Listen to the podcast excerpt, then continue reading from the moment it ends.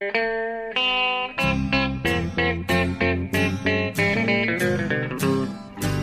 out there, we're on the air. It's hockey night tonight.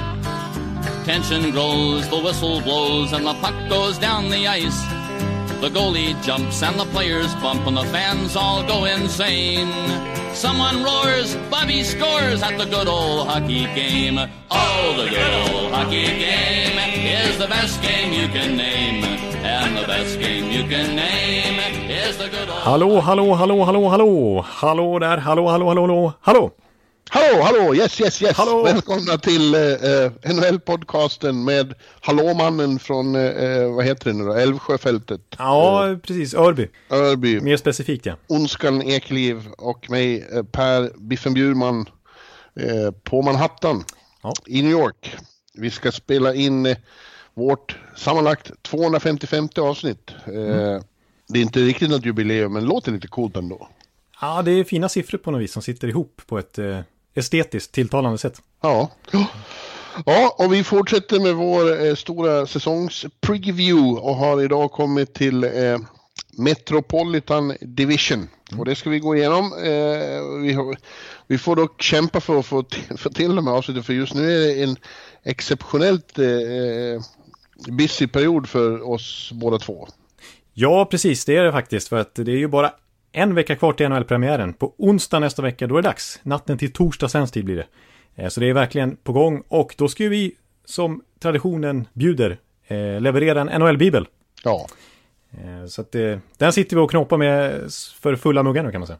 Ja, ett stort magasin som kommer framöver och ja, det ska produceras väldigt mycket material till den. Så att, eh, 116 Vi får- sidor. Ja, vi har eh, our work cut out for us eh, just nu. Ja. Eh, det är också mitt i allt som pågår. Försäsongen måste man ha koll på. Ja. Det är som sagt en vecka kvar. Vi är mitt uppe i, i preseason-matcherna och ja, man kan konstatera till exempel att nu när Brock Baser är tillbaka så, så ser det ut att lossna lite för Elias Pettersson. Han hade en grandios föreställning i, i, igår kväll. Det var ju faktiskt Pacific-avsnittet förra veckan och jag slog ju fast att jag tror det kan bli slutspel för Vancouver. Eh, Så tippar Ja, jag dem ändå inte, så satte jag dem ändå utanför till slut, men det, det ser spännande ut. Det blir ingen sophomore slump för Elias Pettersson, det tror vi inte. Nej, nej det verkar inte. Nej, men du, du har nog rätt i att de kommer att kunna pusha upp mot strecket i alla fall. Ja. Det, det, det borde finnas eh, resurser för, tycker man. Kapacitet. Ja. Eh, och- ja, vi kommer, eh, det går ju nu in i en fas där det, det blir de, även de här träningsmatcherna som ju är som de är. Eh, de bör i alla fall bli lite intressantare för att eh, eh, ju närmare den här helgen vi kommer desto mer tydligt utkristalliseras ju de slutgiltiga trupperna. Exakt, de flesta är ju nere på någonstans mellan 30 och 40 man nu. Eh, Ja. I det här läget och det kommer bara fortsätta ju längre veckan lider så att säga. Så att nu, nu är det inte riktigt de här 60-mannatrupperna och delade läger och sånt där som det var för en, två veckor sedan. Utan nu kan man faktiskt dra slutsatser av kedjor och PP-formationer och allt det där som man tycker är så intressant. Ja, och vilka eventuella svenska rookies som, som tar en plats. Eh, vi får väl se, men några har ju gjort fint intryck. Jag vet, eh, här eh, Jesper Bokvist eh, ute i New Jersey har, har gjort det bra. Han och den andra Jesper, Jesprarna i Ja. New Jersey, Ja. har haft en eh, lyckad försäsong. Vi får se om han kan göra som Bratten själv gjorde. Tog, han skrällde ju sig till en position när han, när han kom hit. Exakt, för så självklart har det verkligen inte varit att Jesper Bokvist ska få chansen i NHL från start nu, men så som han har spelat har han ju faktiskt varit en av de mest utmärkande spelare på hela campen i konkurrens med Hughes, Gusev, Hall och Ja. så vidare. Ja, och det var ju lite så Jesper Bratten gjorde också eh, det där Exakt. året. Så det var kul. Vi, vi har fler i, i, i Columbus där, så är Bemström och eh, Ja, Jakob Lilja, ja, som gjorde två mål härom, häromdagen. Exakt, och de kommer vi faktiskt in på snart, för det är ju Metropolitan-avsnitt och de, är, de är, har båda riktigt bra chans faktiskt. Ja, och i, borta i LA så fick ju eh, Björnfot extremt fin eh, recension av backpartnern Drew Dowdy häromdagen. Ja, det var ju sensationellt att han liksom säger att han är, han är poised like a, liksom typ 30-åring. Alltså han kan inte förstå att han är så ung som han är och att om han inte tar plats i truppen från start då beror ingenting på hans eh, play level utan då är det bara på erfarenhet och sådär. Eh, han, Ja. han har spelat till sig en eh, plats i laget, tycker Drew Dowdy. Drew Dowdy är en bra citatmaskin han. Det får man verkligen säga. Som han Ja. tvärtom eh, använde ord för att uttrycka vad han tyckte om Brent Burns. Till exempel i, Ja, i februari där. Så att, mm. Och så ser det väl ut som att det är, nu är inte han rookie då, men eh, han var ju där redan i fjol i farmarlag. Men Victor Olofsson kommer bli ett, eh, ett namn i Buffalo, han kommer att spela där, eller hur? Ja, ja, ja, så jag har, jag, har ju- jag har ju, tippar ju minst 40 poäng. Ja, Jag vågar slå fast det. Det är nästan så att det är någon slags bett på gång här, men vi får se. Jag tror att det blir succé i alla fall. ja kul. Kul, kul, kul. Och eh, Joel Persson i, Edmonton har ju också god chans, precis som Nygård där då. Just det, precis. Joel Persson alltså, som går från... Han var ju var han, elevassistent i Kristianstad här för två, tre år sedan. Division 1. Och sen eh, bara avancerat upp via Växjö. Och sen nu plötsligt var han på att ta en plats i Edmonton. Det är en karriärresa det alltså. Ja. Ja, du ser, det, hoppet är inte ute för dig. Du är ung fortfarande. Ja, 29 år vet du. Jag har ju inte lagt ner hoppet än. Nej, du kan bli NHL-proffs. Ja, visst. Visst. Nej, jag tror åtminstone du skulle kunna bli en bra materialare i Tampa. Tror du det? Nej, det tror jag inte. Nej, det tror jag verkligen inte. Nej, men någon slags på kontoret, någonting. Statistiker. Stat- Stats-nörd i deras eh, analytics. ja, Där du skulle jag gärna hålla till. Ja, Du kan hämta kaffe åt de som sköter det åtminstone. ja kanske jag får. Ja, det är väl på den nivån tyvärr. Du, vi ska också berätta att eh, eh, vår Tampa-resa eh, i, ja det är mindre än en månad nu tills vi åker. Är, vi är verkligen inne på sluttampen nu. Eh, det finns några få platser kvar och eh, ja, vi, vi säger det igen. Hur, hur kan man inte åka med på det?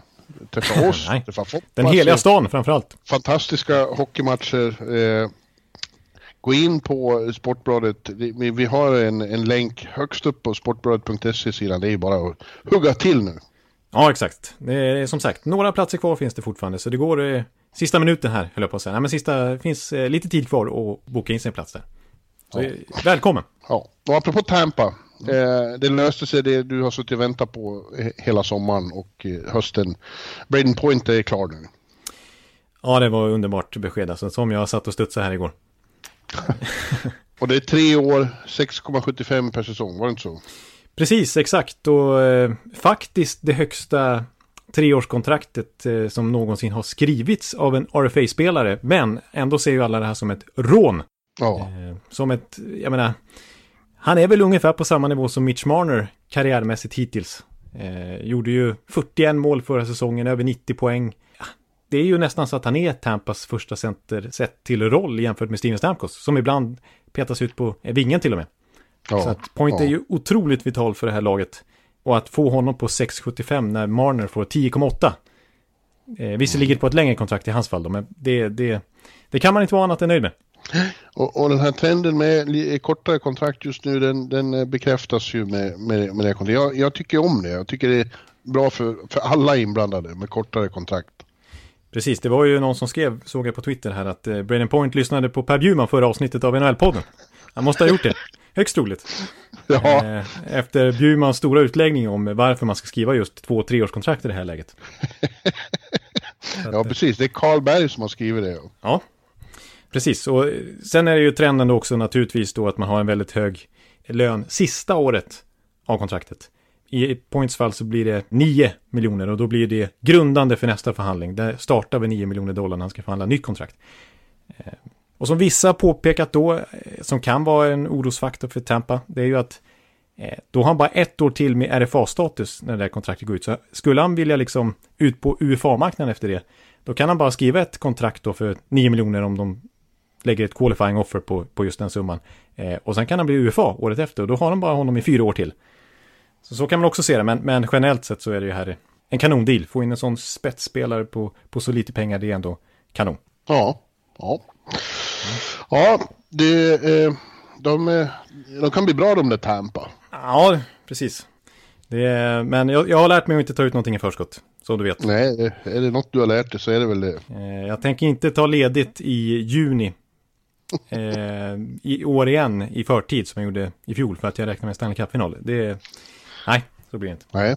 Nej, men tänk om det blir det då, så får du hålla på och krångla med Flash där. Nej, exakt, det är ju det som var problemet. För att när de väl gick till finalen 2015, då var det ju världens krångel för att ta sig dit liksom. Ja, Eh, så vi får se hur det blir. Ja, ja hör du, som sagt, dagens huvudtema är eh, Metropolitan Division i östra konferensen och det finns ju ingen division som är eh, en värre dödens grupp än den. Den är faktiskt, eh, jag, jag har aldrig, aldrig stött på eh, en svårare uppgift än att försöka ranka lag ja, i denna division. Nej, det känns, eh, vi brukar säga att, att eh, Bostons första kedja är mördande. Och så det skulle man kunna säga om konkurrensen här också, det håller jag definitivt med om. Det är, Ja, alltså, vi har väl eh, varsitt förslag kanske, kommer fram till någonting, men man skulle kunna ja, dra latt ur en, eh, dra, latt. Dra latt ur en hott. ja, dra lott ur en hutt här och få upp ett lika liksom relevant resultat. En hit. Det skulle bli en hit, ja, precis. Eh, ja, Ja, ja. det, ja, men absolut. Det känns ju så att i princip så skulle man kunna tippa 1 till 8 och inte bli det minsta förvånad om det blir precis tvärtom. Nej, faktiskt. I princip så kan alla de här lagen hamna på vilken position som helst i, i division. Det är ju helt sjukt. Ja, det är faktiskt helt sjukt. Men det är, man får säga att det är, NHLs utjämningssystem har verkligen eh, fungerat i den här divisionen. Ja, det är eh, dödens grupp Monumentale. Som du skulle tycka. Precis. Ja. Ja. Dödens grupp Monumentale. Det, det tycker jag låter som du ska ha rubriken. Ja, det, ja, precis. Jag tar till med det. ja. Exakt. Ja, det är bra. Och då börjar vi med, eh, i bokstavsordning kör vi ju då. Och då börjar man här med Carolina Hurricanes. Ja, precis. Eh, En av de stora sensationerna förra säsongen. De fick äntligen, äntligen sitt eh, lyft som man väntat på några år. Ja, exakt. Det var ju så pass att de gick till konferensfinal alltså. Att de bröt Ja. en eh, ja, tio år lång slutspelstorka dessutom. Ja, och, och, och, och eh, det, det där är ju en underlig eh, eh, kuriositet i Carolinas fall. När de väl går till slutspel, då går de gärna så långt. Och sen går det tio år utan att de går dit alls. Nej, exakt. Men de gjorde ju sens sensation på fler sätt i, i, i fjol. De var, de var väldigt bra. De spelade en, en hockey, eh, originell hockey som, som många hade svårt att hantera. Och så ställde de ju till med folkfester och blev eh, a bunch of jerks. Och, och Ja. det var det var en helt ny, en ny era inleddes i Raleigh, North Carolina. Precis, och väldigt oväntat ändå skulle jag säga. För vi, på ett sätt är det ju inte oväntat att det här lyftet skulle komma, som framförallt du har pratat om i så många år. Men att det skulle komma nu, eller inför fjolårssäsongen ska jag säga, eh, när du slutat tro på dem lite grann.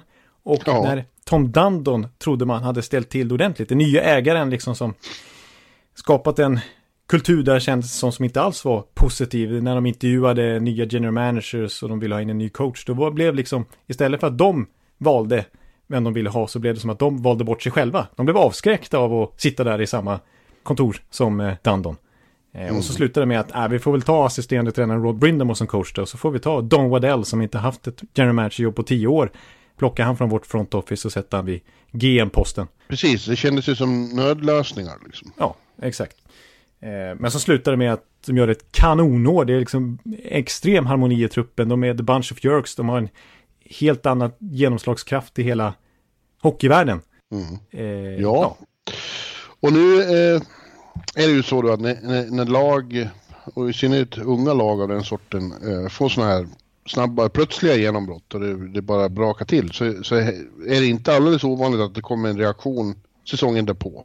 Det har vi varit inne på några gånger att, att det, det, det planteras lätt någon, någon eh, omedveten eh, känsla av förnöjsamhet och att, eh, eh, att man börjar tro att det går, ska gå av sig själv. Ja, att man tappar den här glöden. Och det är nog särskilt lätt eh, i, i ett sällskap där eh, en sån eh, ledande gestalt då som Justin Williams försvinner. Nu har inte han eh, gått i pension officiellt men han har tagit en, en time-out från hockey. Och eh, det betyder att, eh, jag säger bara Mike Fisher. Ja, exakt. Nej, det är förmodligen När man, så. när man har kommit upp i den där åldern så det, det, de här försöken att vila ett tag, de är dödsdömda. Precis, då är man inte sig själv när man kommer tillbaks. Då är man eh, en pensionär när man kommer tillbaks. Nej. Nej. Så den risken finns, men samtidigt så tror jag att eh, de har eh, Rod Brindamore som coach. Han är, jag tror inte han tillåter den sortens eh, lathet att plantera sig mentalt i, i de, bland de han coachar. Nej, precis, för det har ju alla spelare i laget sagt och inte minst de unga. Vilken influens han hade i fjol när han kom in som tränare och faktiskt var... Han har ju varit i omklädningsrummet några år som eh, assisterande och i organisationen hur länge som helst som gammal lagkapten och sådär. Men när han faktiskt var den stora rösten, styrande ledaren i omklädningsrummet, då eh, de älskade honom. Vi pratade Ja. jättemycket om det i våras, hur att de skulle nästan kunna dö för honom, sa de ja, men ja, Lukas Wallmark var ju väldigt... De betraktar honom som en storebror och kompis lika mycket som coach. Liksom. Ja, exakt. Och ändå så hård i nyporna, men liksom hård men rättvis, så att säga. Ja, passionerad. Ja, precis. Och nu när det är camp igen, liksom, då... Jag menar, många lag kör ju så här team, eh, team Lidström eller team eh, Andrew Chuck eller team... Eh, ja, du vet, de döper sina små grupper till något speciellt. Men här, när Rod Brindamore bestämmer, då är det Team Grit, Team Passion, Team Pride. Det är bara den typen av ord, liksom. Kom igen nu. Jävlar anamma, liksom. Mm. Ja, och samtidigt har Wedell gjort ett utmärkt jobb även i, även i sommar tycker jag. Alltså, eh, single, Ryan Single är en utmärkt winger. Haula, om han är helt frisk i kroppen igen, mm. eh, bra center. Och så här på slutet fick han in Jake Gardner också. Då, på backsidan, och backsidan ser ju, den ser eh, riktigt eh, imponerande ut. Ja, den är ju otroligt stark. Nu får vi se vad som händer med Justin Falk. Det kan ha hänt någonting redan innan det här avsnittet släpps. Vi får se, för att han missade träningen precis innan vi började spela in här.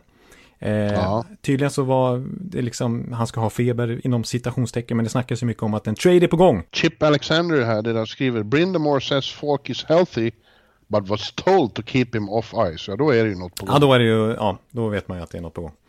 Ja. Eh, det var ju nära till Anaheim här mot Ondrej Kashe förra veckan, men då kunde ju Falk stoppa den på grund av sin no trade-klausul som innehåller 15 lag. Men eh, nu verkar något nytt vara på gång. Så det kan mycket väl hända, det kan redan ha hänt när ni lyssnar på det här. Men det gör ju inte så mycket för Carolinas backsida, den är ju urstark ändå i och med att Gardiner kommer in. Precis, precis. Så att, eh, ja, jag, jag får väldigt positiva vibbar av, av Keynes eh, nu också. Ja, och jag vill understryka det när du pratar om det, Waddell, att han gjort det bra. Så, alltså, den här general manager som han var liksom utdömd när han tog över, och som jag ja. inte alls trodde på, att han kliver in och gör så mycket stil som han har gjort. Vi har pratat mycket om Niederreiter-traden mitt under säsongen i fjol. Eh, hur enkelt han fick honom trots allt. Vi ska inte liksom döma ut Viktor Rask, men det var ju en supervärde han fick där. Eh, och sen nu i sommar, Ryan Single hade tackat nej till 5 miljoner i, i Ottawa innan traden till Columbus, kommer till free agent-marknaden och hoppas få något liknande. Slutar det att Carolina tar han några dagar efter att liksom den värsta free agent-håsen blåst över och får han för två år på bara drygt 3 miljoner dollar. Liksom supervärde för en 30-målsskytt. Mm. Eh, och sen så då Jake Gardner som inte har någon klubb fram till september. Han hoppades också på 6 miljoner dollar, sades det, innan första juli. Först i september så landade han i Carolina på 4 miljoner dollar. Ah, vilken eh, fingertoppskänsla han har visat, Modell. Ja. En punkt dock, eh, där det känns som isen kan bli lite tunn, eh, det är längst bak. För att Peter Mrazek är ju, har ju visat sig vara utmärkt. Eh, inga problem med honom. Men mm. eh, om han blir skadad, då har de inte längre Curtis Mac... Vad heter han? Mac jag har lärt mig uttala nu i och med att han har kommit till Tampa. McElhaney. McElhaney, ja. Mm. Utan James Reimer. Mm. Och eh, han eh, kan de berätta i Florida att han inte är så mycket att hänga i julgranar eller något annat.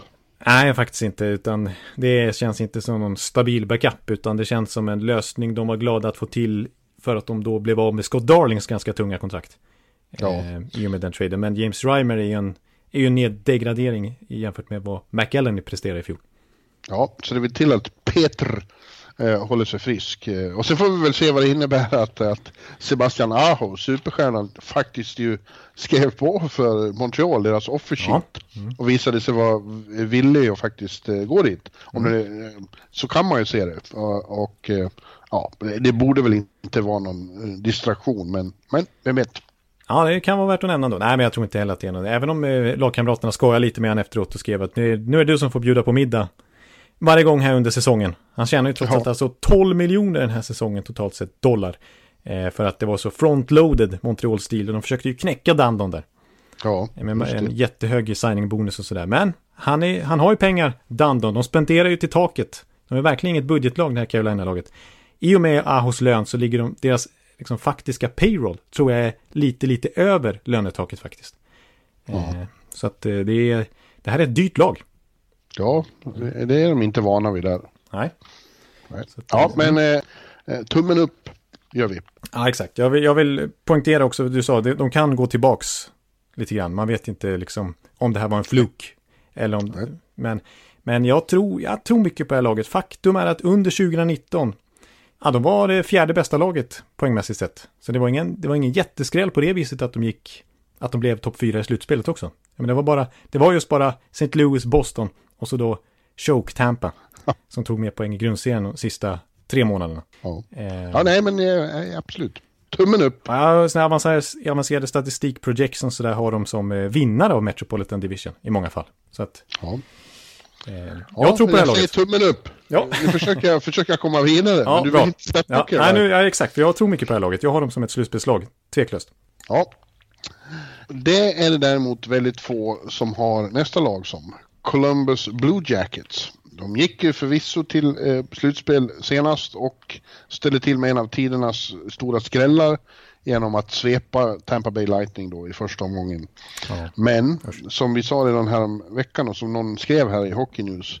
Därefter så på bara några få dygn gick de från all in till all gone. Ja, exakt. Ja. Eh, för att eh, de tappade ju ja, allt. Precis som eh, vi hade stått klart redan hela säsongen i och med att de vägrade skriva på nya kontrakt och ens förhandla om dem. Så försvann ryska, ryska, ryska duon Panarin, supersnipern, eh, eh, till New York och eh, eh tvåfaldige Vessina-vinnaren Sergej Bobrovski till Florida.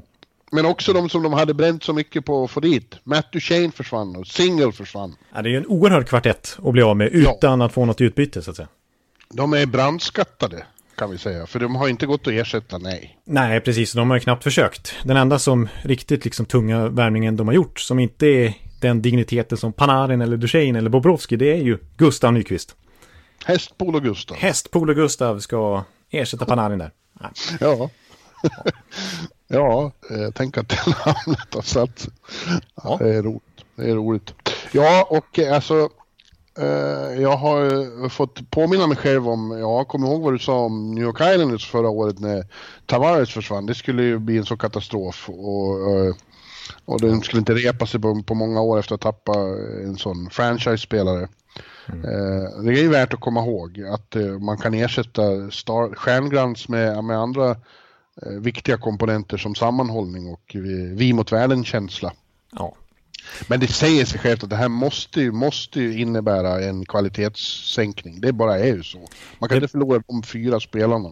Exakt, Panarin som sätter klubbrekord i antal poäng förra säsongen eh, under en och samma säsong. Och Bobrovski som du säger, franchise-målvakten. Ansiktet mm. utåt i princip för klubben. Eh, så att det är, är tunga tapp. Och liksom många har ju Columbus i den här mördande konkurrensen som sist. För det känns som det är enklast att sätta dem sist. Ja, ja du kan ju se bara som sagt Bobrovski lämnar. Nu, nu, nu, nu ska de luta sig mot Jonas Korpisalo. Ja. Om det inte han visar sig hålla, då är Elvis där. Elvis Merzlikins ja. Lättländaren. Ja. VM-klassikern, höll jag på att säga. Ja, jag håller ju på honom bara för namnet. Alltså, vilken, vilken namn, det vill jag också heta. Elvis Bjurman. Ja, precis. Det är kanonnamn. Det är, han fick det av sin farsa. Han har en speciell bakgrund. Jag kan dra den kort på 30 sekunder. Eh, han har, hans farsa ville att han skulle heta Elvis för att han var stort Elvis Presley-fan. Mm. Dock, tyvärr gick hans pappa bort när han bara var tre år. Eh, han hade en ganska kämpig uppväxt då. Som 14-åring flyttade han ensam från eh, eh, Lettland till Schweiz. För att satsa på hockeykarriären. Bodde hos en fosterfamilj där. Eh, gjorde kanonbra ifrån sig. Har varit bärande i schweiziska ligan i många år. Eh, för tre år sedan det dog även hans fostermamma i cancer som han kom, hade kommit väldigt nära. Eh, men nu som 25-åring så har han liksom verkligen varit igenom adversity och tagit sig hela vägen till NHL. Så att man håller ju lite grann på Elvis. Man vill Jaha. att det ska gå bra för honom. Ja, samtidigt då med, med allt det här sagt så, så vad du var på väg in på förmodligen är att det är John Tortorella som är coach där. Mm. Och om det är någon som kan eh, sätta ihop ett lag i en sån här situation eh, och verkligen skapa den här vad sa jag, vi mot världen-känslan och, och, få alla att tro på att de är bättre än vad de är, så är det ju han. Och han är nu, han har ju sagt att han är pissed off. ja, exakt. Ja. att, över att det har blivit så här att ingen tror på Blue Jackets längre. Han ska minsann visa de jävlarna liksom. Ja, jag, jag, tycker det dessutom verkar ha smittat av sig lite på lokalmedia där, för en sån hyfsat balanserad och respekterad person som Aron Portsline verkar vara lite pissed off också. Han skrev här såg jag att, nej, kom igen nu alla andra NHL-reporter, vad håller ni på med? Alltså, Columbus Blue Jackets, de kommer gå till slutspel. Kolla på laget, det är inte så dåligt som alla ni säger. Det finns en bredd här. Sig, det, det, är ju i och för sig sant. Det, eh, det är inte bara eh, elände som är kvar. Eh, vi såg ju, du och jag fick en ny favorit där i Josh Anderson när vi var och tittade på dem. Han är kvar, precis som eh, Luc ja. Dubois, Cam Atkinson och Nick Folino och för inte min, tala om backduon eh, Jones Wierenski. Exakt, så det, det är ju en bra stomme så att säga. Ja. Ja, sen har de ju faktiskt ganska mycket unga spelare. Vi har redan varit inne på de här två svenskarna som kanske tar en plats. Alltså Emil Bemström, förra säsongens skyttekung i SHL, har ju faktiskt fått spela i första PP här. En, eh, alltså fram till nu, en vecka före starten, så är han fortfarande kvar i den kedjan. Så att mycket talar för att han tar en plats. Eh, och Lilja är ju väldigt spännande också, eh, för detta Djurgårdsspelare han med. Mm. Eh, visst, det är mycket om här och liksom att de ska slå igenom på det viset och ersätta de här stjärnorna vi har nämnt. Men det, det finns en bredd i det här laget i alla fall, vill jag poängtera. Eh, jag skulle säga ja. att tredje och fjärde kedjan är bättre än många andra lags tredje och fjärde kedja. Ja, de kommer att vara jobbiga att möta som vanligt. Liksom. De är mm. fysiska och, och, och svårspelade, men om man har svårt att... Det är ändå svårt att se att de i den här grymma konkurrensen som är i divisionen, mm. Eh, att de ska liksom hävda sig eh, offensivt på samma nivå som andra. Nej, precis. Det är mitt orosmoment också. Alltså. Visst Dubois, visst Atkinson och så här. Och Alexandre Texier, fransmannen som kom in som en vitamininjektion i slutspelet i fjol och som spelar väldigt bra. Faktiskt rumskamrat med Bemström här på försäsongen vad jag förstår. Mm. Eh, men att, att någon av dem ska komma upp i liksom 70-80 poäng, kanske, men nej, det är som du säger, det, det, de saknar lite ett lok ändå. Ja, och en riktig, riktig målskytt. För de hade ju Bradman, men eh, ja. Ja, alltså Atkinson gjorde ju faktiskt 41 mål i fjol, men sen har han varit nere på 20 mål vissa säsonger och sen upp igen och så ner igen. Så att man kan liksom inte riktigt räkna med honom. Enligt Nej. trenden så ska han gå ner nu. Då ska han ju vara ner på 20 mål igen. Ja, ja. Vi... Eh, eh vi, vi, vi, vi, jag sätter dem utanför systemet. Vi utgår från att Columbus tar ett steg tillbaks. Ja, så måste det vara. Men vi är inte helt chockade om de inte gör det. Nej, för det, det är så NHL-logiken fungerar idag. Ja. Ett lag som däremot borde ta ett eh, rejält steg framåt, och jag tror vi blir besvikna om de inte gör det, eh, det är New Jersey Devils. Ja, alltså det... Det finns eh, inget annat lag, tror jag, som har rustat upp lika grundligt som de har gjort under sommaren. Nej. Fått in lika spektakulära namn i, i, i degen. Ja. Vi, vi, vi, har alltså Piqué Subban på backen, vi har, vi har Nikita Gusev eh, och vi har Wayne Simmons, hårdingen och vi har inte minst Jack Hughes då, draft-ettan. Precis, det är ju ruggiga förstärkningar. Det är som du säger, alltså metamorfosen jämfört med förra året. Stjärnglansen i truppbygget, det gapet är inte större på något annat håll i NHL. Nej. Och helt plötsligt, jag menar, det här laget känns ju som nästan ett av de mest sevärda nu. Alltså som man mest ser fram emot att kolla på. Och så har det aldrig ja. varit i The Rock förut, där du har en gång yttrat orden “Kill me now” för att du hade så tråkigt. ja, och dessutom så är ju nästan Taylor Hall en halv förstärkning också eftersom han missade så mycket av fjolårssäsongen. Ja. Efter att ha varit eh, Hart Trophy-man året innan. Exakt.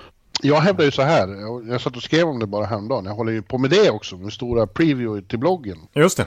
Mm. Att, eh, jag tror att eh, ut, ä, även utan de här eh, förstärkningarna så hade eh, Devils studsat tillbaka lite. För de var ju på väg åt rätt håll säsongen innan och så kom en sån här reaktion och den förstärktes av att, av att eh, Hall var borta och Schneider tappade sin form.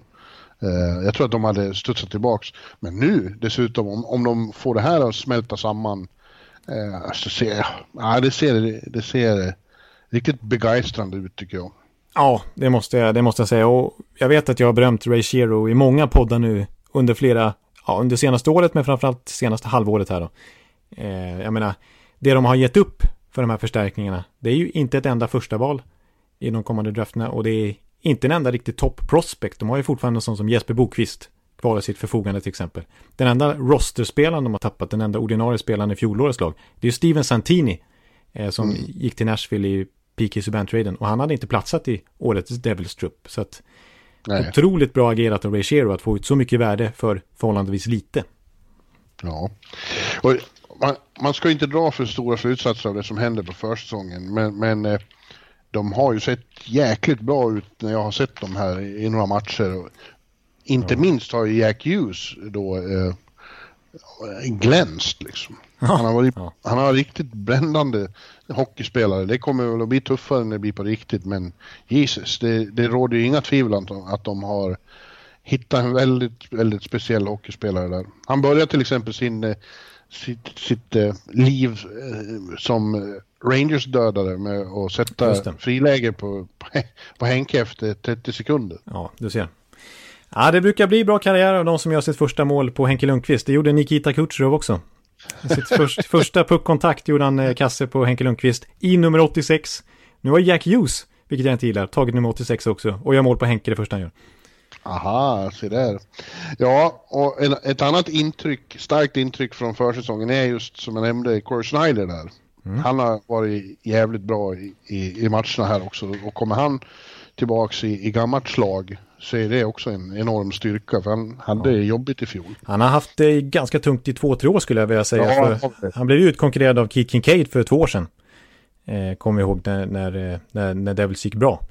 Eh, men eh, ja, nej, så det, det skulle jag säga faktiskt om det här Devils-laget. Om, alltså, jag tycker faktiskt att målvaktssidan är den enda svagheten. Eh, som kan ju kanske vändas till ett utropstecken om Schneider återgår till sin gamla form.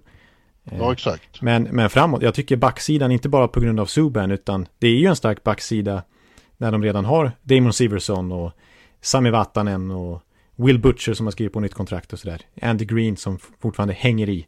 Eh, och så forwardsidan, jag kan bara nämna kedjorna som det förväntas bli. Då, hoppa, då tror jag att Hall, Hischier och Palmieri liksom håller ihop trots allt, precis som de gjorde för två år sedan. Och så blir det Gusev, Hughes och så kanske Bratt eller Simmons. Eller sånt där. Ja. Och så en tredje kedja då. Det, det är mycket som talar för att Bokvist får chansen. Det kanske blir en eh, Bokvist och Bratt som har haft bra kemi i tredje kedjan ihop med Travis Sajak. Menar, det är, det är, det är tre, tre bra kedjor. Och så har de dessutom sådana som Blake Coleman och Miles Wood och Pavel Sacha och, och så vidare. ja, de är inte att fnysa åt heller. Nej, nej. Så eh, det är, det är ett bra lag där. Överlag. Ja, Hela, ja, väldigt- rakt igenom. Ja, det är det. En dark horse, New Jersey. Som kan eh, ställa till med mycket spännande i, här i divisionen. Ja. nej, de, Faktum är att, ja, nej vi, vi, vi, vi hoppar vidare. ja, Jag ska inte hålla, att, eh, jag ska inte hålla, nu, nej, nu, nu börjar jag igen, men nu, nu, jag ska inte hålla kvar som i Carolina. ja, det är inte lätt att hitta på några övergångar nu håller jag tyst.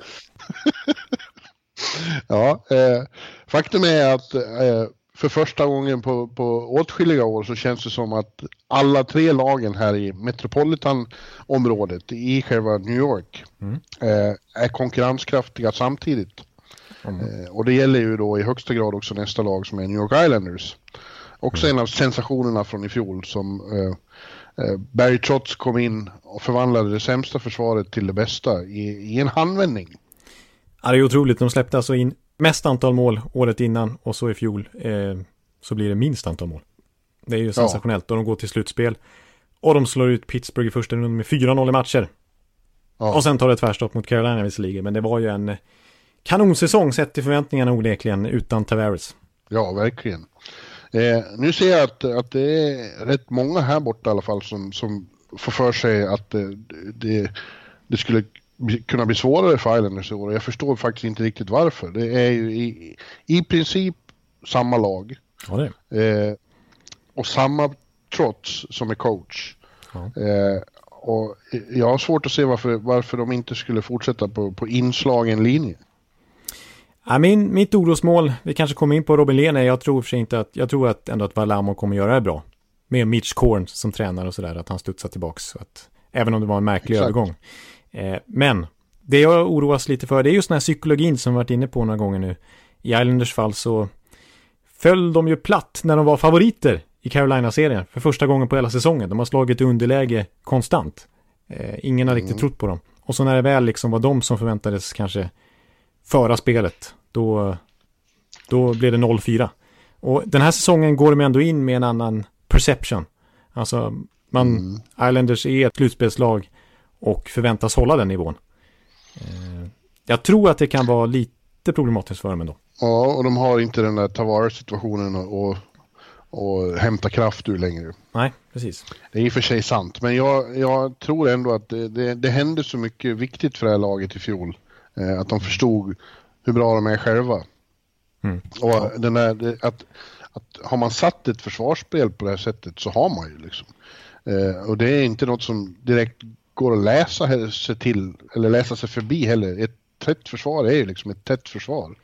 Exakt. Eh, och jag, jag tror att det kommer att bli jävligt jobbigt eh, för, för motståndarna i år också att göra more på Islanders. Ja, nej, precis. För jag, i mitt tips som jag la ut på sajten här för några månader sedan så hade de ju på slutspel med motiveringen att just som du säger, det här trygga grundspelet som trots har satt. Det känns Ja. som att det kommer att vara väldigt värdefullt i november, december, januari när lunken är som värst. Eh, och många lag pendlar i form. Det kan ju vara många lag åker in i djupa svackor och sen långa toppformar. Men i Islands fall så tror jag att de kommer kunna hålla en ganska jämn nivå säsongen igenom. Och de kommer vara tunga att möta. Eh, nej, men jag tror, jag tror ändå att kontinuiteten där kommer vara en stor fördel för dem. Ja. Ja, det tror jag. Och, och, och som du nämner där då, jag, ja, det, jag tycker det var fel och dumt att släppa Lener. Mm. Eh, och, eh, förra säsongen var han mycket bättre målvakt än vad Semin Valamov varit på flera år. Ja. Men han hamnar under eh, Mitch Korns vingar och alla som gör det blir ju storartade målvakter. Han kan Ja. få en, jag tror han kan få en, ett rejält lyft. Precis, och vi ska komma ihåg att Thomas Greis under Mitch Korn var i princip lika bra som Robin Lehner också. De hade ju likbördig Exakt. statistik och ungefär lika många starter. Jag tror till och med att Greis kanske hade någon fler start än Lehner under grundserien. Så eh, de har ju stabilt på målvaktssidan trots allt ändå. Ja. Eh, I övrigt är det rätt mycket samma lag. Här på slutet fick de ju in en gammal Ekeliv-favorit i form av Brassard. Broussard. Ja. Ja, han eh, hjälper ju nu mer till med, med bredd. Mm. Eh, han är ingen man håller i handen in när man Nej. åker in i slutspel och så. Men, men eh, eh, eh, ja, han cementerar väl en, en fin bredd. Ja, det tycker jag också. Sen så tycker jag kanske vi inte riktigt understrukit tillräckligt mycket hur i podden här under året som gick, hur väl många försvarare i det laget har utvecklats och gått förbi sina tidigare övermän i hierarkin. För nu när den här säsongen börjar kan det mycket väl vara så att Nick Leddy är nere i tredje par och att Johnny Boychuk kanske får sitta på läktaren. Eh, för Ja. faktum är ju att eh, förmodligen skulle jag nog säga att Ryan Pullock är deras första back nu ihop med Adam Pelleck i första backpar. Sen är det ju Davon Taves och Scott Mayfield som formar andra backpar. Och sen är, har vi Nick Leddy och kanske Johnny Boychuk. Så att, eh, och så har de Noah Dobson på gång också. Så att det har hänt mycket där och de har fått en väldigt bra utveckling under trots de här unga backarna de har. Ja, jag hoppas ju att Sebastian Aho, deras eh, svensken i, är, de har, det finns ju en Sebastian Aho till. Då. Ja, exakt. Det är han som är svensk back eh, och han är i organisationen. Och eh, han får gärna ta sig in i laget för att eh, utan honom så är Islanders ett av två lag helt utan svenskar. Precis, nu är inte Lene kvar längre. Det är sant. Nej, Mm. det är Islanders och Winnipeg som är utan svenskar. Ja. Tyvärr som jag har förstått det så är ju konkurrensen hård på backsidan där och att Sebastian Aho inte har riktigt stuckit ut på kampen än så länge. Att det Nej. ser ut att ligga honom till last. Ja, eh, och eh, ja, de har ändå framåt så, så eh, Matthew- Bursal, Brasal ja, är ju en, en artist, en sevärdhet av Guds nåde. mm, mm. Eh, Anders Lee, fantastisk, Brock Nelson, det, det finns ju kvalitet här. Ja, precis. Och man kan ju kanske hoppas lite som Islanders-fan på att Bursal eh, studsar tillbaka och gör mer poäng i fjol. För trots, Brasal och Brassard, för trots, trots så eh, var det ju så att offensiven blev hämmad av honom. Eh, Barzal vann poängligan internt på bara 62 poäng. Han droppade 23 poäng jämfört med rookie-säsongen. Eh, ja.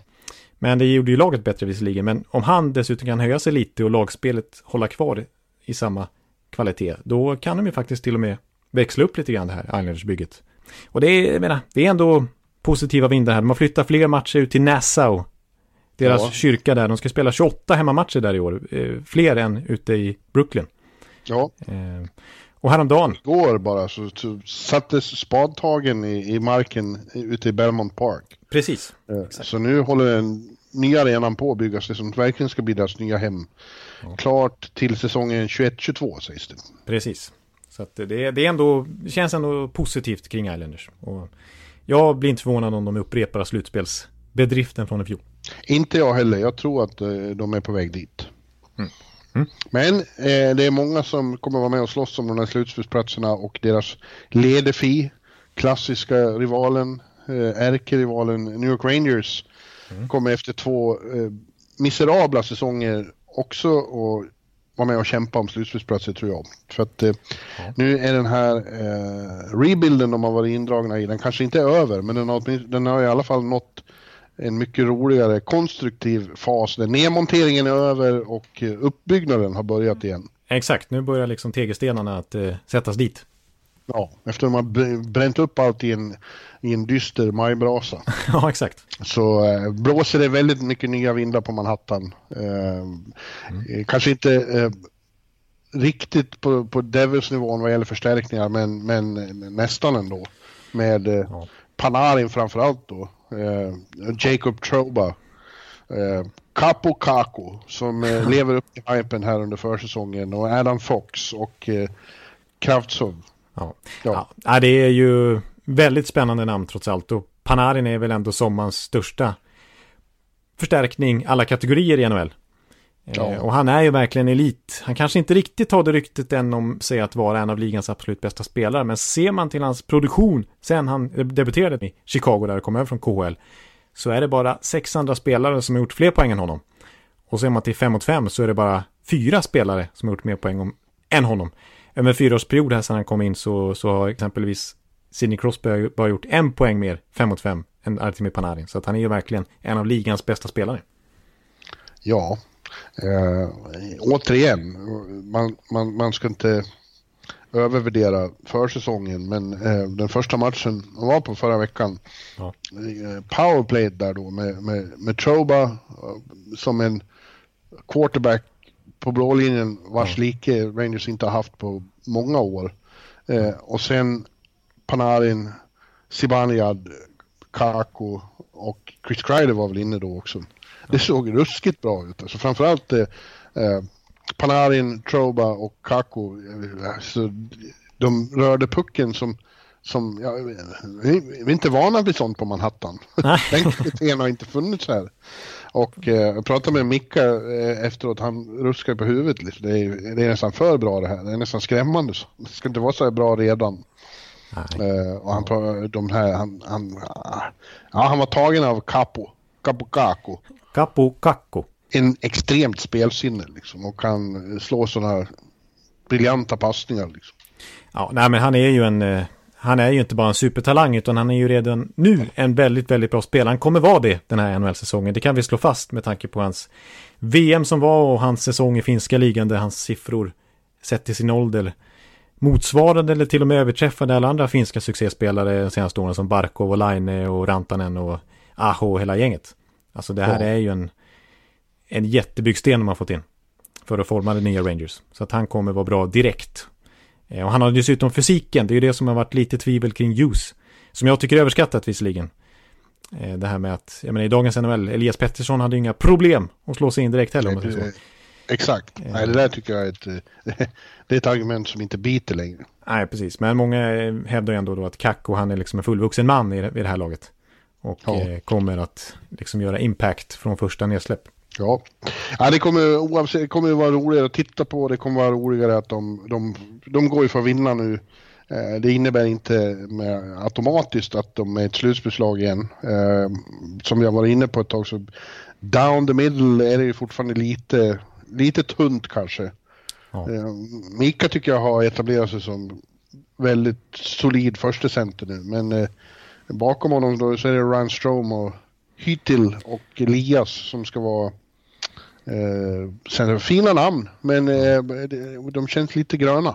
Ja, och Howden är ju ett sånt namn också som kanske får chansen. Men det är exakt som du säger. Det är, det är ju inte som eh, många andra lag i, i konkurrensen. Alltså, vi, jag, och jag tycker även backsidan om vi just pratar om, om Devils med liksom, de har ju fått in Suba nu, liksom Rangers fick in Troba. Men i Devils fall så har de redan Vatanen och Siverson mm. och hela det gänget som jag nämnde som känns mer etablerade och säkra kort i det här läget. Ja. Eh, har, Rangers har ett bra första par där i Troba och, och Brady Skay. Skay. Gamla polare eh, är de ju verkligen, så de var ju supernöjda ja. att hamna ihop. Adam Fox blir nog bra också och uh, Tony D'Angelo som skrev på här till slut. Uh, ja, det är okej, okay, men det, det, nej, du har rätt. Det, det känns också lite, lite osäkert. Ja, precis. Och där, om man ser deras bottom six. Gamle Mark Stahl är ju som har en stenbensopererad ute på. ja, exakt. Stenknappsopererad, så heter det. Just det, ja. Nej, och jag tycker även deras bottom six där, det är ju spännande med Elias till exempel och eh, Kraftsov kanske och sådär och vilka det nu blir. Eh, men det är också lite, lite mycket om och kanske inte riktigt det... samma säkerhet känner jag som i, i andra lag som slåss om slutspelsplatser i den här divisionen kul att Elias, eh, han ser ut att, han blir här i år nu. Mm. Så nu är det färdigt med resor till Hartford. Ja, precis. Han verkar ha slitit hårt i sommar för att komma redo till campen och gått ner fem kilo såg jag. Ja. Eh, gjorde mål framför dig i den här eh, Madison Square Garden-premiären. Ja, och bor just nu hemma hos Mika, bara några kvarter från Garden. Men ja. hoppas snart skaffa sig egen, eh, egen eh, lägenhet. På Manhattan? Ja, ja visst, de bor på Manhattan allihop. Det var roligt. Eh, Mika berättade att han hade låtit Elias köra en gång ja. Eh, upp till eh, träningen. Det tänker han aldrig göra igen. Alltså, det är så pass? Elias, Elias var för försiktig och svensk i sitt körsätt och det blir farligt när man är, man måste vara aggressiv i trafiken här. Ja, jag har ju suttit bredvid dig och det, det känns nästan livsfarligt men uppenbarligen så är det det som krävs. För... Ja, just det. Det var en gång när vi skulle lämna tillbaka bilen, ja det var bråttom. Ja, då, oh, då svängdes det alltså. 30 omkörningar på 10 minuter eller på att säga. Nej, men det var, det var imponerande Lewis Hamilton-insats av Bjurman, skulle jag säga ja, keep it, keep it coming. Det var ett sidospår minst sagt.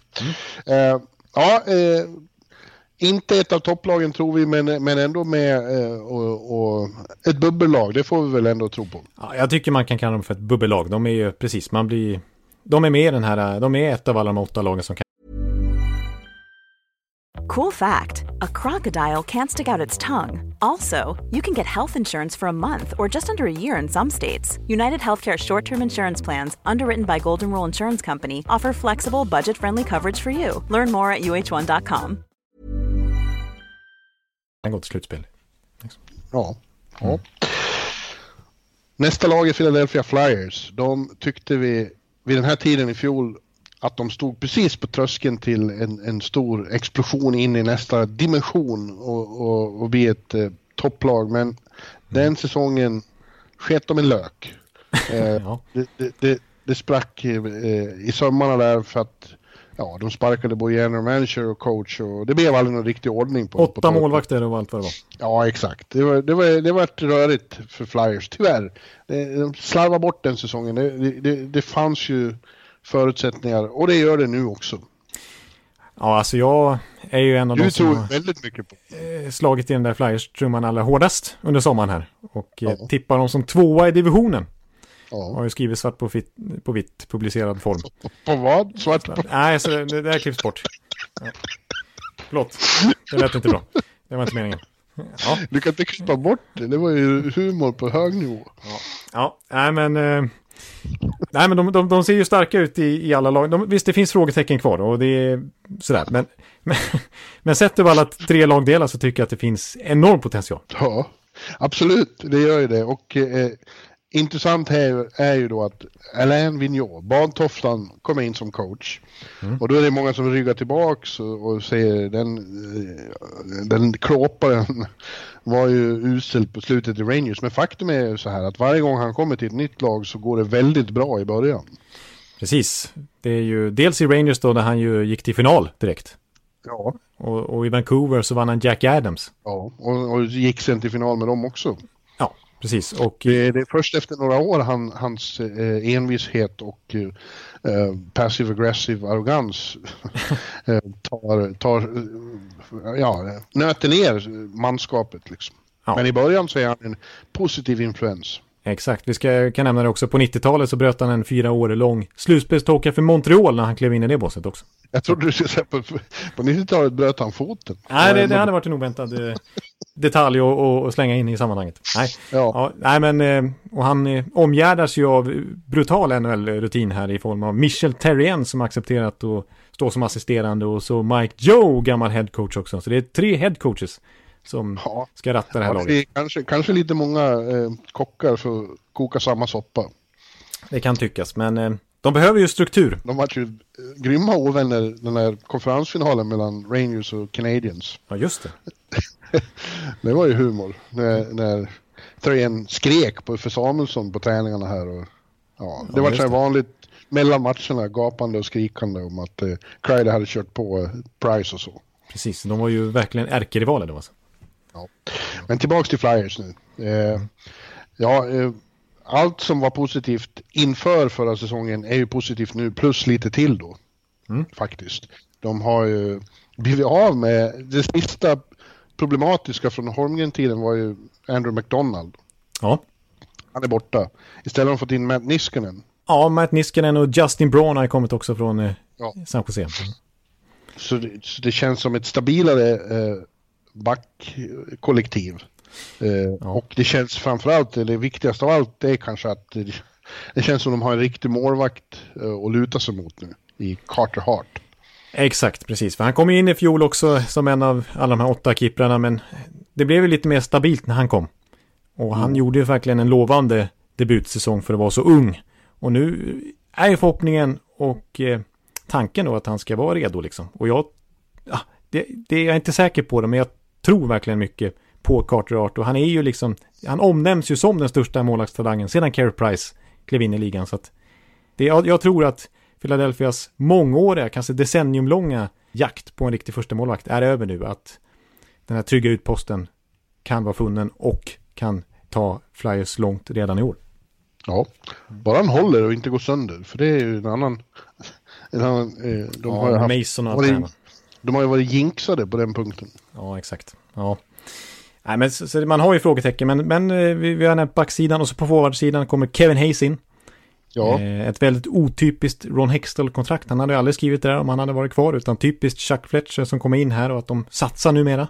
Eh, tålamodet är slut, nu ska det hända saker. Jag tycker det här kontraktet är lite dumt eh, på sikt. Jag tror inte Kevin Hayes kommer vara bra över sju år som det gäller. Men Nej. om vi bara sett den här säsongen så, så, så förstärker han dem verkligen och ger dem ett större centerdjup.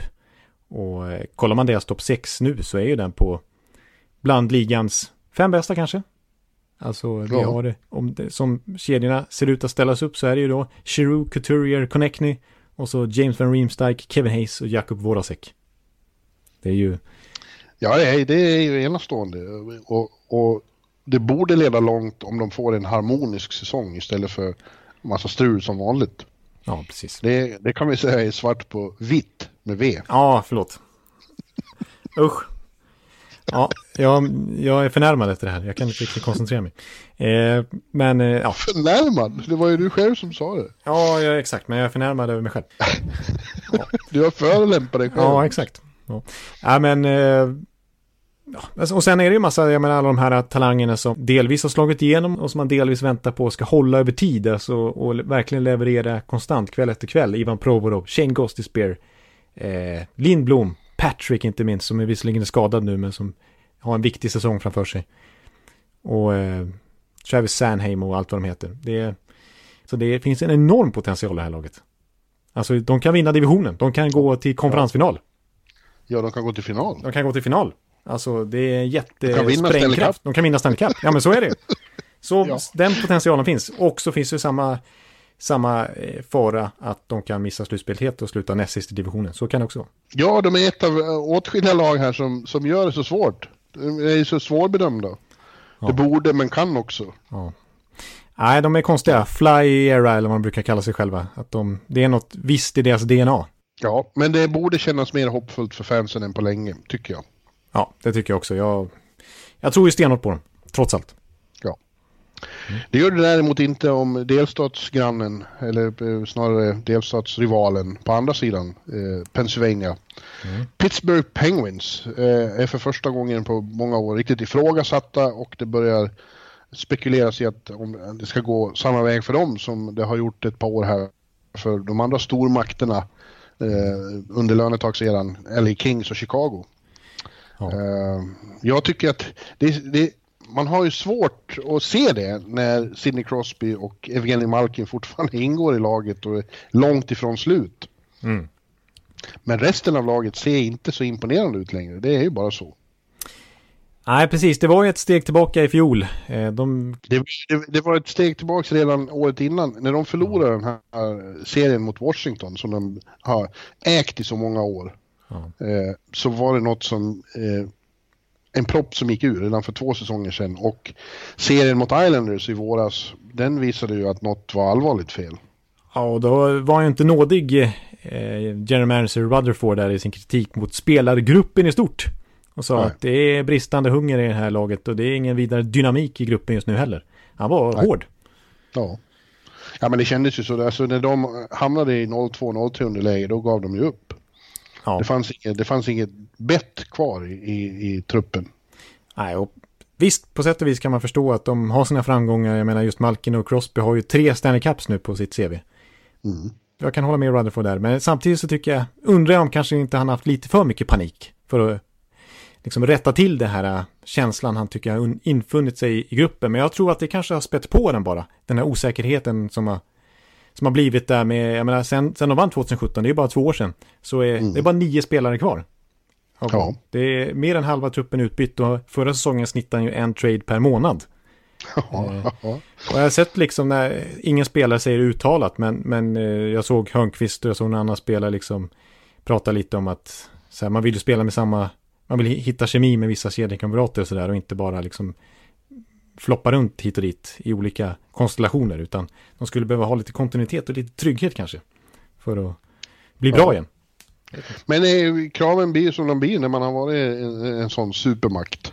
Ja. Eh, och eh, ja, det, den stora skillnaden mot eh, över sommaren är då att Kessler försvann, men det verkade ju nödvändigt eftersom Malkin ville bli av med honom. Ja. Det, det, det körde ihop sig på något sätt mellan dem. Medan Kessel inte ville något heller än att spela med Malkin. Nej, precis. Så, utåt sett har det mycket hetat, eh, och det, så var det ju, alltså att Salven hade framförallt en konflikt med Kessel också under mm. ett par år. Och där kan man ju säga att det är ju Sullivan som är Rutherfords gubbe för att han fick ju faktiskt förlängt nu i somras, trots den här tunga säsongen. Fy, nytt fyraårskontrakt skrev han på i juli. Ja. Så det är ju han som ska fortsätta leda det här bygget det hindrar ju inte att om det går väldigt dåligt i början så, ligger, så är han kandidat för att ryka. Ja. Tror jag. Ja. Det är flera som... Det, det, är den typen av coacher som får sparken, lag som ska vara topplag och plötsligt inte presterar. Uh, så det är nervöst för honom, det är nervöst för uh, Lavi i Nashville borde det vara. Ja, uh, ja på, på, på många håll. Ja, alltså, du skickade en liten inofficiell lista till mig här för ett tag sedan med, där du hade med namn som Babcock och Cooper och sådär. Ja. ja, men det är väl klart. Mm. Eh, om, om de... Eh, det är lag som ska vinna liksom. Om de... Eh, eh framförallt Cooper är ju... Eh, vad heter han? He's, he's, on the clock now. Ja, det är klart. Alltså skulle de eh, halka efter lite i början och sjabbla bort lite poäng för att de inte riktigt tar det på allvar så... Då är det ju lättaste alternativet att, att göra sig av med tränaren. Och ta in Randy Carlisle istället. Ja, ja men gärna. Nej. Usch. Ja, ja, nej, men... Eh, nej, men tillbaks till Pittsburgh. Eh, du tittar på truppen så den sticker inte ut något mer, bortsett från Crosby och Malkin, och så sticker resten inte ut något mer än någon annan trupp här i, i, i divisionen. Nej, Letang vill jag ja, Letang. lägga till också. Och så här, och så här. Men, men nej, det finns mycket liksom frågetecken här. Alltså, Brandon Tanner kommer in. Jag tror i och för sig att han är, kan vara en vitamininjektion, men det känns också lite desperat att lägga 3,5 miljoner dollar i sex år på en brunkare liksom. För ja. att man vill ha mer grit. Galchenyuk är kvalitet på, men jag har, han, han är inte elit, elit, tycker jag. Nej, och han känns lite som Kessel i Kynne också, att man inte riktigt vet vad man har han on a nightly basis, så att säga. Det är lite humörspelare. Eh, visserligen så ska han format bra kemi hittills med, med Malkin. Att, eh, där är, han är nöjd med i alla fall, Malkin. De pratar ju ryska båda två och har sett bra ut ihop på eh, försäsongen här. Mm. Eh, och han har ju faktiskt gjort 30 mål en säsong, Gally. Så att, vem vet? Vi kanske är över, överdrivet kritiska, jag vet inte. Jag tycker också att Matt Murray eh, är ett frågetecken. Eh, han var inte bra mot Islanders i, i den slutspelsserien. Men det kan ju vara så att Crosby, eh, framförallt Crosby då, tar tag i det här och bara vägrar gå med på någon, på någon tillbakagång och, och dra med sig hela det här sällskapet. Inte otänkbart, men jag tror att för första gången på väldigt länge så kan det vara så att Pittsburgh riskerar att missa slutspel. Ja, jag tycker det är ju det är ju bara att hålla med, för jag har ju satt dem utanför slutspel också för första gången. Visst känns det konstigt när man gör det? Man, man, man stretar emot och säger åt sig själv, vad håller du på med? Ja, ja visst, nej, man kan inte riktigt motivera det för sig Fan, själv du trots kan inte ha ner Pittsburgh på sjunde sjätte plats, det går inte. Nej, nej, de här, precis. så sitter man, men de här är ju också så bra nu att ha uppgraderat. Skitjobbigt. Men jag är just av den anledningen jag är lite, inte orolig för att jag missunnar inte Pittsburgh framgång. Så, men jag, jag är lite orolig för mitt eget tips här, att det kan bli så att, eh, att Pittsburgh, ja men tar till sig av, eh, alltså vi är långt ifrån de enda som ifrågasätter dem. Det är ju liksom den allmänna tonen just nu i NHL-världen att Pittsburgh är under lupp. Men att Ja. de alltså, kan ta till sig det, alltså just, just den här Crosby och Malkin och så här som har mycket prestige i sig också. Att dra med sig laget nu och visa att äh, vi, vi, vi är ett bra lag liksom. Och Ja. kollar man på underliggande siffrorna i fjol så tar de bara i Pittsburgh så är det fortfarande väldigt mycket klass där. Så att ett, ett motiverat Pittsburgh är definitivt ett slutspelslag. Eh, men frågan är om de kan hitta den här harmonin igen efter ett riktigt knöligt fjolår. Ja, ja jag, eh, jag förhåller mig eh, avvaktande till dem. Ja. Då har vi bara Washington Capitals kvar, sista laget i, i divisionen. Och om det är något som man tror kanske då eh, står ut lite eh, ovanför klungan med liten, liten marginal så är det väl ändå dem. Ja, precis. De ser fortfarande starka ut och de är regerande grundserievinnare i den här divisionen i alla fall. Ja, Och eh, visst, Ovechkin har precis fyllt 34 bast. ja och Kuznetsov bör, bör ta kokain och Ja. bli avstängd några matcher här i början. Ja, Eh, man tappar Niskanen och Burakovsky och... och Brett Connolly. Ja, det, det, dynamiken internt förändras väl lite men, men ja. De är fortfarande Capitals, deras fönster är fortfarande öppet. Det är ett, eh, ett klasslag ändå. precis. Eh, intressant är ju vad de har gjort för att ta in. Det känns ju som de har blivit, fått lite mer taggar utåt eftersom de har tagit in Radko Gudas och eh, Garnet Hathaway. Precis, exakt. Alltså den typen av spelare. Brandon Leipzig är ju lite sån feisty han också. Eh, Ja. Och visst, det är ju sämre spelare än till exempel Brett Connolly och Burakovsky sett till vad de kan producera offensivt kanske. Och Niskanen är ju ett mer rutinerat namn än Gudas, men samtidigt så tycker jag, om man framförallt ser till forwardsidan här, att det kanske ändå är positivt för dem att ha en tydlig hierarki. För det, tyck, det var ju det som var problemet för till exempel Burakovsky. Vad ska man göra med honom? Ibland fick han sitta på läktaren för man inte visste vilken roll han skulle ha. Eh, han var ju inte liksom anpassad för att spela i tredje eller fjärde kedjan. Och nu har man mer tydliga eh, rollspelare så att säga. Eh, och det tror jag kanske kan vara bra för dem trots allt. Ja, ja det, det kanske är bättre balans i laget eh, på det sättet. Eh, de, de har en, en, en väldigt eh, satt top six Ja, med Ovechkin, Kuznetsov, Wilson, Vrana, Bäckström och Oshie. Ja. Eh, och sen har de Hagelin som du säger. Eh, nej, det sa du inte. Men Hagelin Ja, och det. Eller och, och, och Panik är ju med nu också. Det är en väldigt bra tredje kedja. Eh, eh, Balanserat lag. exakt, exakt. Och även på backsidan skulle jag säga att det är så. Eh, sen är det ju lite intressant med två bärande spelare i det här laget, nyckelspelare under hur många år som helst egentligen, som sitt, har kontraktsår. Och det är dels Niklas Bäckström och så inte minst då kanske Braden Holtby. Eh, som det tuggas lite om att det kanske blir hans sista säsong i Caps där. Jaha. Ja, men det ska de ha. Har de råd att lägga så mycket pengar på en eh, över 30-årig målvakt här nu eh, som inte i slutspel, ja kanske lite i slutspel sett till Carolina-serien här, men i alla fall grundseriemässigt de senaste åren, även det året de vann kuppen har svajat lite grann. Har väl legat under 91% i räddningsprocent till exempel och eh, blev utkonkurrerad av Grobauer för två år sedan. Ja, Eh, innan de gick in i slutspelet ja. Men Ja. de gick in i slutspelet med, med Grubauer. Precis. Eh, och nu har de ju Ilja Samsonov som kom över, deras stora framtidsnamn, draftade i första rundan för ett par år sedan, ryssen.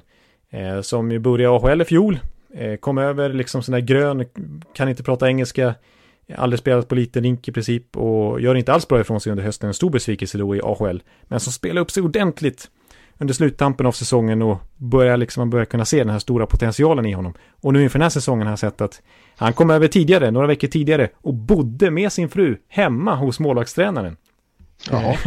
i Capitals. Eh, och liksom umgicks med han hela dagarna, lagade middag och allt vad de höll på med. Och snackade målvaktsspel och så vidare.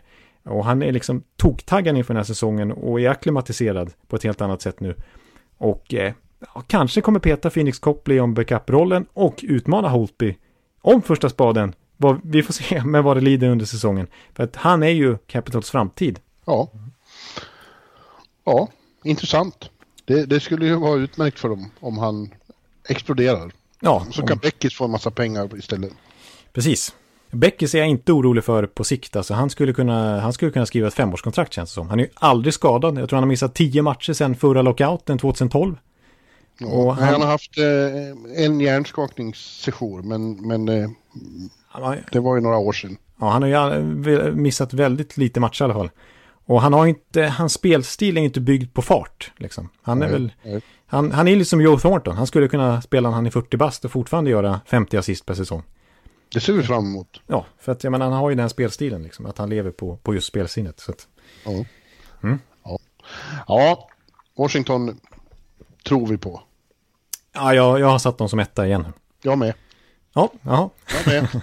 Men däremot så har jag inte riktigt satt eh, resten än. Men, för jag törs inte. Nej, jag förstår det, jag förstår det. det, det är, man vill inte göra det här för man vet att man kommer ha fel. Ja. Ja. Man kan ha grundfel liksom. Ja. Ja, men jag sätter, jag sätter Washington 1 och Columbus 8. och däremellan kan det bli hur som helst. Ja, det håller jag med om, men, men eh, jag kan väl läsa upp det jag, jag skrev här, här om månaden i alla fall. Ja, Jag får försöka stå fast vid det. Jag har samma 1-8 som du, Washington och Columbus.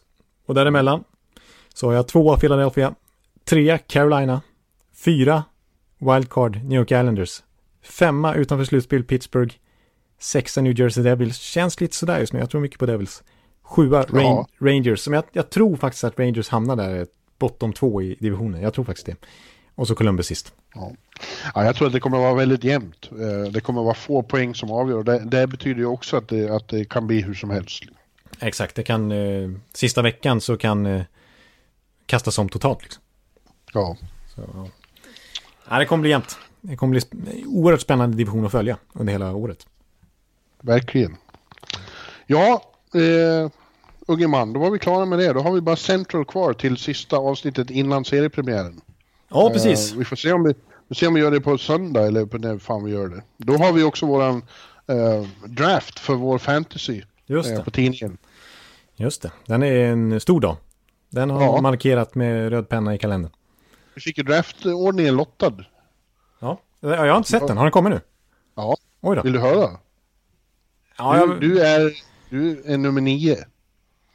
usch, lite sent. Jag är nummer fyra och Jarko är nummer tolv sist. Oj då. Jaha. Ja, det var han inte nöjd med. Det var han inte nöjd med. nej. Ja, Nej, Men vi... eh, Vi, eh, vi säger väl... eh, Vi återkommer att berätta om hur det gick för New York Dolls och vad heter Ekanlivet? Lyftkranarna från Älvsjön. Vilket värdelöst namn. Ja, nej, men det, det... Så heter det i alla fall. Ja, du gör ju det. Ja, Men på återhörande då, så blir det ett nytt sista avsnitt innan grundserien sätter igång på allvar. Och, ja ikväll ska eh, jag, det det här är ju tisdag, ikväll ska jag gå på match igen. Jag ska till eh, på Garden. Det Jaha, är Rangers, eh, Islanders och eh, vi har... Eh, ja, Henke ska stå. Vi ska, det blir spännande att se. ja men det, det, det förstår jag. Ja men då, då får du traska iväg här snart helt enkelt. Och så på återhörande med ett central-avsnitt innan det bråkar igång. Och nu ska jag slå på Sportradion och lyssna på hur det går mellan Leksand och Brynäs. Ja just det, precis. Det är ju våra lag. Du hängde ut mig som Ja. djurgårdare förra veckan, men det är jag. Jag är brynäsare. Jo, det tror jag fortfarande. Klockan slår, Nej. klockan slår. Brynäs, slår. hej, hej, hej, kom och sjung med mig, var med och hylla vårat lag. Fantastisk avslutning, vi säger så. Ja, på återhörande allihopa. Hej! Hej hej! Hallå, hallå, hallå. Hallå, hallå, hallå. Alex Chiazot, Joe Luis Arena och Esposito. Esposito. Uttalsproblem, men vi tjötar ändå. Och alla kan vara lugna, inspelningsknappen är på. Bjuder Hanna Kohl, han är grym i sin roll. Från Kållesoffan har han fullständig kontroll på det som händer och sker. Det blir ju allt fler som rattar in hans blogg. Och lyssna på hans podd. One, two, three, speed, so Hallå, hallå, hallå. One, two, punch, speed, så Hallå, hallå, hallå. Ekeliv, som är ung och har driv. Verkar stor och stark och känns allmänt massiv. Han hejar på Tampa och älskar Hedman. Sjunger som Sinatra. Ja, och det ser man. Nu är det dags för refräng. Dags för magi, Victor Norén. Du är ett geni. Så stand up at home and remove your hats. Höj volym, för nu är det plats. One, two, punch, speed, så Hallå, hallå, hallå. One, two, punch, speed, så Hallå, hallå, hallå. One, two, punch, speed, så Hallå, hallå, hallå. One, two, punch, speed, så Hallå, hallå, hallå. Det er utroligt længe siden mor, der samtidig trods har råd. Hallå, hallå, hallå. Det er utroligt længe siden mor, der samtidig trods har råd.